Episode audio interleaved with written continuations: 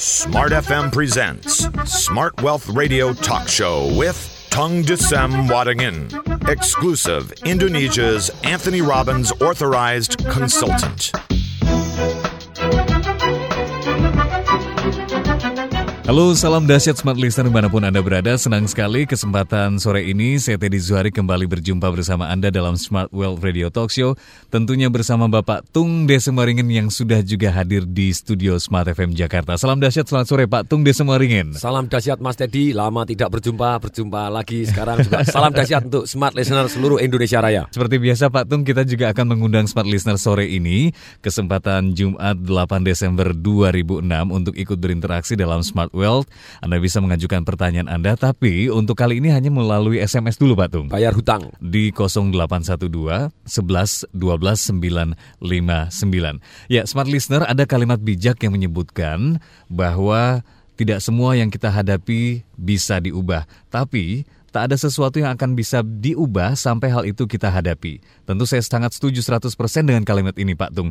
Contohnya misalnya ketika kita mengatakan tidak bisa untuk mengerjakan satu hal, tapi dengan niat, belajar, kesungguhan dan kerja keras, sesuatu yang tidak bisa kita bisa wujudkan menjadi yang mungkin.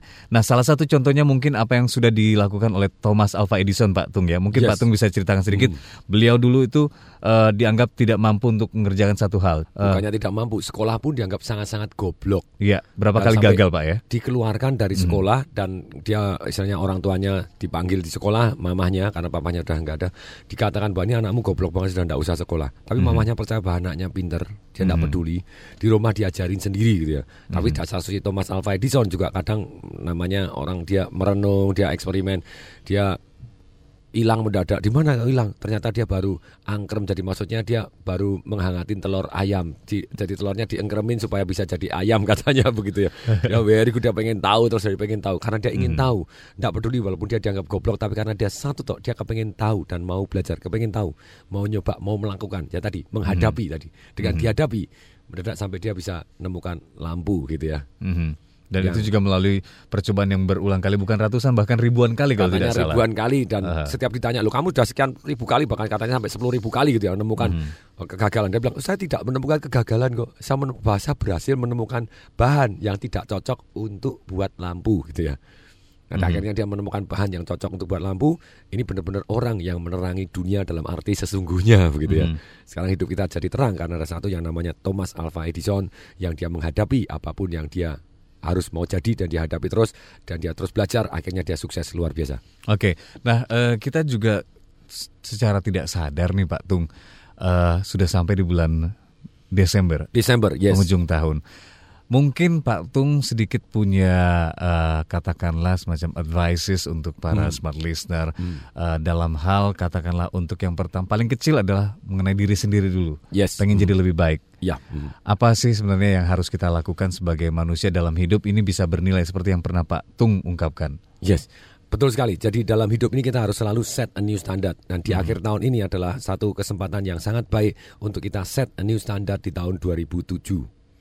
Misalnya begini, karena spesialisasi saya adalah tentang financial, financial revolution, merevolusi atau merubah dengan sangat-sangat cepat kondisi keuangan seseorang, begitu ya. Nah, apa yang saya sarankan? Alangkah baiknya, walaupun anda karyawan, walaupun anda apa pun pekerjaan anda, dokter, pengacara atau apa pun ceritanya pengusaha, saran saya gini, tahun 2007 ini apa pun yang terjadi, set penghasilan anda minimal 50% dari 50% lebih tinggi dibanding tahun 2006 ini. Dengan demikian kita hidup ini menentukan palang. Istilahnya palang itu kalau kita mau loncat. Kalau kita mau lebih maju, kita tidak bisa loncat di tempat yang sama terus menerus. Kita harus naikkan. Demikian juga ketika Anda angkat berat. Jadi selalu, selalu seperti kalau orang olimpiade bahwa Anda stronger, higher gitu ya, lebih cepat, lebih tinggi, lebih kuat gitu ya, lebih hebat. Nah, nah ini yang terjadi dalam hidup ini selalu set a new standard. Jadi hidup ini ada cita-citanya. Kayak saya pribadi begitu ya. Ketika ada sampai satu masa secara keuangan, oke, uh, istilahnya kayak misalnya ibu saya lihat saya berheli-heli kemudian dia minta ya gue saya ajar untuk naik heli gitu ya putar-putar. Kemudian segala macam misalnya istri saya Desember ini maksain karena saya ulang tahun gitu ya. Mhm. mau dibeliin mobil milih mana? Mau eh, Porsche atau mau SLK 500 atau Ferrari begitu ya. Dia ngotot mau beliin terus karena dia tahu bahwa praktek ternak duitnya dia sendiri istilahnya passively income-nya sudah bisa untuk beli seperti itu. Tapi dalam hal ini saya selalu punya set a new standard Tahun Mhm. 2007 saya punya standar baru. Bukan masalah apa, Pak. Saya mau jadi orang yang mencerahkan tadi. Jadi Mhm. kalau Thomas Alva Edison menerangi dalam arti sesungguhnya, saya menerangi dalam arti istilahnya tanda kutip gitu ya. Mhm. Jadi saya mau jadi seperti lebah. Mhm. Lebah itu dia mencari madu, betul dia mencari madu. Dia Mhm. mau bangun istana madunya jadi yang lebih besar lagi, lebih bagus lagi. Mhm. Tapi pada waktu dia fokus untuk cari madu, tanpa sadar ada 90 degree effects. Maksudnya apa? Itu saya belajar dari Buckminster Fuller. Mhm. Pak, apa pun yang kita lakukan, gerakan kita selalu ada efek 90 derajat yang kita tidak sadar, yang bisa jadi efek tadi lebih besar daripada yang pernah kamu bayangkan. Dan ini yang namanya jutawan yang dicerahkan.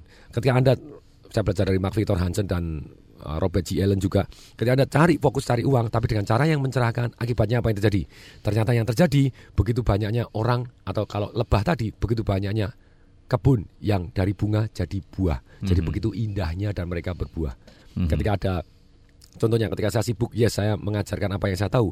Saya punya impian juga saya menjadi tangan dan jutawan yang dicerahkan melalui melalui saya begitu ya. Bisa terwujud ada satu kelompok yang istilahnya satu juta jutawan yang baru, satu Mhm. juta jutawan. Maksudnya jutawan dalam US dollar ya gitu ya kalau jutawan rupiah semua orang sudah punya di Indonesia gitu ya. Aha. Tapi istilahnya Anda etis punya 10 miliar bagaimana dalam Hmm. hidup ini.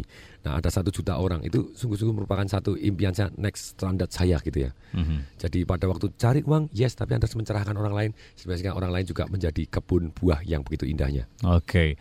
Baik, eh, Pak Tung mungkin kita langsung menanggapi beberapa SMS yang sudah masuk di Yes. 0812 11 12 959 Anda yang lain smart listener bisa juga ikut berinteraksi mengajukan pertanyaan Anda tapi mohon maaf sekali lagi untuk pekan ini kami hanya membuka kesempatan melalui SMS kirim ke 0812 11 12 959 Pak Tung Tadi Yes. Pak Tung sempat menyinggung mengenai mencerahkan menjadi orang yang bisa menerangi yang lainnya. Yes, mm-mm. Nah, dalam skup yang kecil dulu mungkin Hmm. yang paling dekat dengan kita itu adalah lingkungan rumah kita sendiri.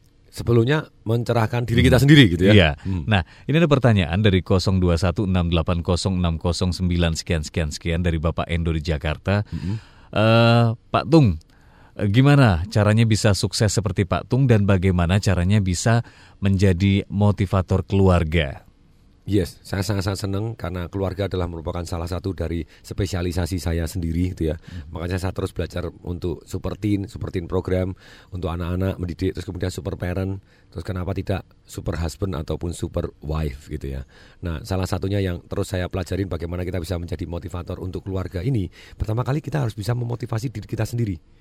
Nah, bagaimana kita motivasi? Motivasi itu seperti bensin atau istilahnya seberapa hebatnya mesin Anda atau seberapa hebatnya bisnis Anda, seberapa hebatnya kepribadian Anda, seberapa hebatnya skill Anda Mhm. atau seberapa hebat mesin mobil Anda tadi, Ferrari tadi, kalau tidak dikasih bensin Nggak jalan. nggak jalan. Ah. bensin itu adalah motivasi api yang akan membakar kita yang bisa dibakar ya untuk sehingga mesin tadi bergerak dengan sangat dahsyat.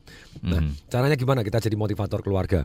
Kalau saya pribadi gitu ya, kita punya habit-habit atau kebiasaan-kebiasaan yang membuat anak saya juga termotivasi.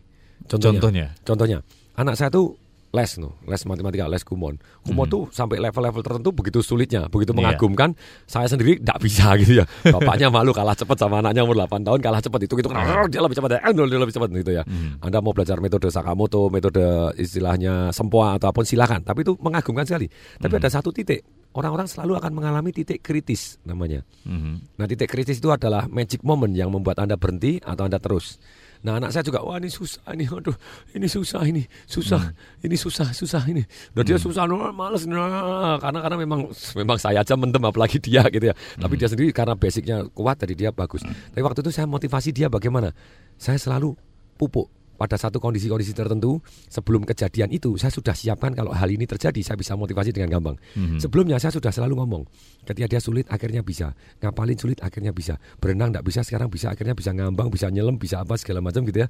Nah terus sama naik sepeda tidak bisa akhirnya bisa juga.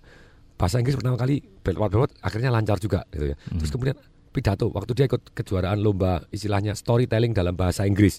Mhm. Pertama kali susah, wah ini susah nih ngapain susah ini. Akhirnya lo lewat bahkan akhirnya juara satu. Nah waktu itu selalu saya pupuk, setiap bisa saya pupuk. Waktu saya berenang, saya single dia, duk. Ini loh papa yang suka dari Waldo? Satu hal. Ini saya pupuk saya motivasi. Sebelumnya sudah saya pupuk dulu. Jadi ketika waktu membutuhkan ini sudah masuk programnya dia. Mhm. saya single dek. Ini loh yang papa suka satu hal yang papa suka dari Waldo adalah Waldo itu tangguh. Walaupun berenang minum air eh tetap aja mau berenang dan sampai sekarang akhirnya bisa. Itu papa yang suka dari Waldo. Saya tinggal pergi saya tinggal pergi berenang. Ngeng. jadi dia wajahnya ah, seneng gitu ya. Kemudian pada waktu dia misalnya lomba pidato kemudian waktu dia juara papa saya peluk saya peluk saya cium. Ini loh papa yang suka dari Waldo tangguh. Mhm. sulit akhirnya bisa. Dan ini papa yang tahu semua hal itu mengalami, mengalami titik kritis seperti ini sulit akhirnya bisa. Dan waktu bisa lama-lama jadi gampang.